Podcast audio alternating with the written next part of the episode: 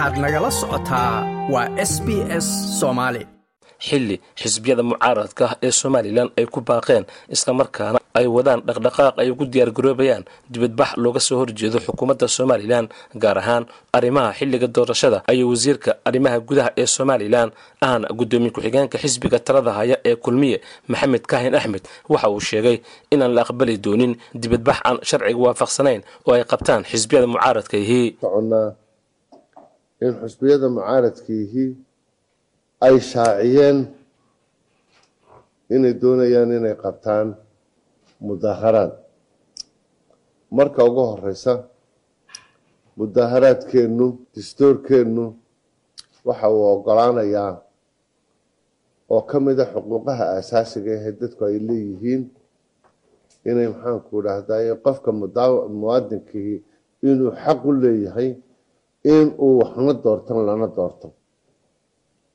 Waa laba inuu qofka mudaharaadka qofka muwaadinka kay xaq u leeyahay inuu mudaharaado ama mudaharaad abaabulo ama ka qeyb galo. Wuxuu dastuurkeenu ogolaanayaa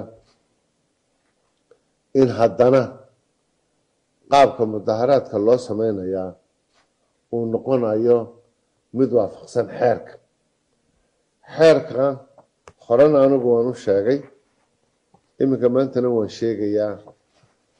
Waxa weeye xeer kasta oo dalka lagu maamulayo xeer kasta oo maxkamaduhu ay ku dhaqmayaan xeer kasta oo wasaaradaha heer gobol iyo heer degmo iyo heer qaran wax lagu maamulayaa wuxuu ka dheegmayaa dastuurka xeerkan dastuurka ka dheegmay waxaa la yidhahaa xeerka koob iyo kontonaad labada kun laba iyo toban. Xeer number fifty one twenty twelve. Xeerkaasi markaa waxa uu qeexayaa xanaanka iyo qaabka loo dhigayo mudaharaadka. Wasiirka waxa uu sheegay in xisbiyadu aysan wax wargelina siinin wasaaradda ay qusayso arrintan islamarkaana aysan wax wara ka haynin. Habka mudaharaadka u dhacayo sidaa darteed aan la aqbali doonin wax mudaharaad ihi inuu halkaasi ka dhaco. Waxaan doonayaa anigu iminka maanta waxaan u sheegayaa dhammaan amniga ciidamada amniga ee jamhuuriyadda somalilan ee noocyada kala duwan. Inaanu dalka ka qabsoomi karin mudaharaad aan sharci ahayn mudaharaadka sharciyadoodasa ay u maraan ee laga wada hadlo ean horena u sheegnay waxa ay u yeelanayaan xaq. Ciidankuna wuxuu ilaalinayaa iyagiiyo mudaharaadkooda. Wasaaraddan may soo weydiisan barasaab may weydiisan guddoomiye degmo may soo weydiisan. Waxaanaanu ka warhaynaa in mudaharaadkan loo sameynayo si aan salmi ahayn waxaanu ka warhaynaa wax fara badan aan sharciyadda ogolayn in maxaanku dhahday la ururinayo waxaan leenahay markaa cidna xaqeeda dastuurigaa loo diidi maayo cidna loo ogolayn maayo waxaanay xaq dastuuriga u lahayn anigaan lay ogolaanaynin madaxweyneaan loo ogolaanaynin xusbi mucaarida baan loo ogolaanaynin shirarkii iyo wadahadaladii aanu soconnay shirkoodii u dambeeyey bay ku sheegeen inay iyagu ka baxeen oo nagaga baxeen. Ciidamada amnigana waxaan u sheegayaa oo farayaa inuu mudaharaadkaasi yahay mudaharaad aan sharci ahayn oo dastuuri ahayn tallaabada ku habboon ee sharciga lagu sugayo ee nabadgelyada lagu sugayana ay maxaanku dhahday ka qaadaan albaabadu way ka xidhan yihiin sharci darada qaranka lagu duminayo. Hase yeeshee labada xisbi ee mucaaradka ah ayaa ka carooday hadalkaasi wasiirku waxaana ay ku hanjabeen in mudaharaadku uu dhici doono aysana jirin cid hor istaagi karta xubno ka tirsan xisbiga cadaaladda iyo daryeelka ee ucid oo shir jaraa'id kaga jawaabay arrintaasi ayaa sheegay.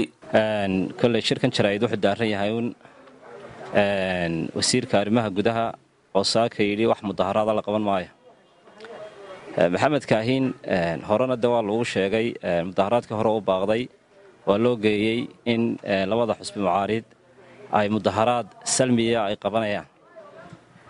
Iminkana waan ugu celinaynaa maxamed kaahiin waxaanu leenahay mudaharaadku wuu dhacaya. Cid joojin kartaana ma jirto. Mudaharaadku waa wax dastoorkeena inoo ogolo yahay oo dastoorku inoo jidaynayo wax distoorka ka baxsanna oo xusbiyada qaranku ay samaynayaanna ma jireen mudaharaadka salmiga ayay samaynayaan. Wakhtiga hadduu yidhi hore ugu meeraystay maxamed kaahin wakhtigana lama soo sheegin. Xilligana lama garanayo ay qabanayaan.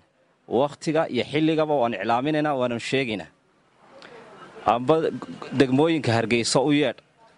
Amba saraakiisha ciidanka u yeedh. Mudaharaadka cid joojin kartaa ma jirto.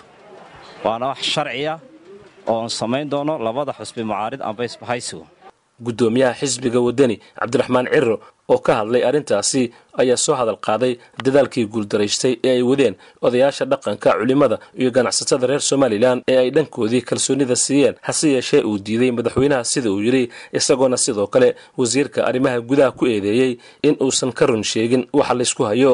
Waxaa ka warqabtaan bishii lixaad sagaalkeedii waxaa u yimi koob iyo soddon ka mida xubnaha dhaqanka ugu muhiimsan somalilan culimo iyo ganacsato. Waxaana iyagoo dareensan hawsha jirta weydiisteen inay arrintaa dhexdhexaadiyaan ergana yihiin kalsoonina aanu siino. Kumaana raagin maynagu qaadan wax ka yar shan iyo toban mirar inaanu siino kalsoonida. Annagoo dareensanaa ragga culayskiisa iyo tudhaalaha laftigooda ka muuqday somalilan halkii ku dambeysay shacbigu u ogay in madaxweynuhu yidhi kalsooni idimaan siin haddana idin siin maayo. Waxaa kaloo ka waraysay in madaxweynuhu soo jeediyey golayaasha qarankaa gelaya. Iyadiina waanu aqbal haddana isla madaxweyne wuxuu yidhi labadii nina isaga ku xigay ee brotocoolka dowladda somalilan iyo dastuurka la eego ku xigay inuu yidhaahdo arrintan ka garnaqi maaya.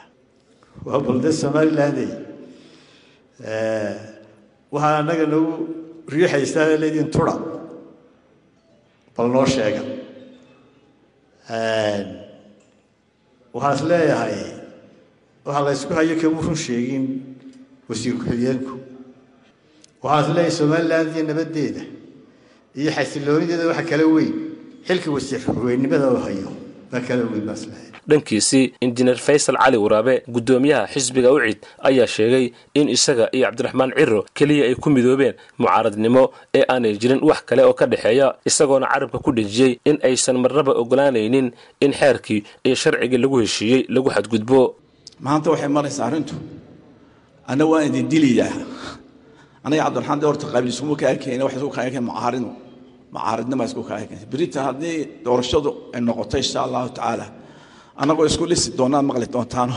Horta tii baynu maanta taaganahay inuu maanta inankaa dhalinyarti wasiir ku-xigeenka annaga nooga sheekeeyo xeerkii aanu ku soo baxnay ee la sameeyey.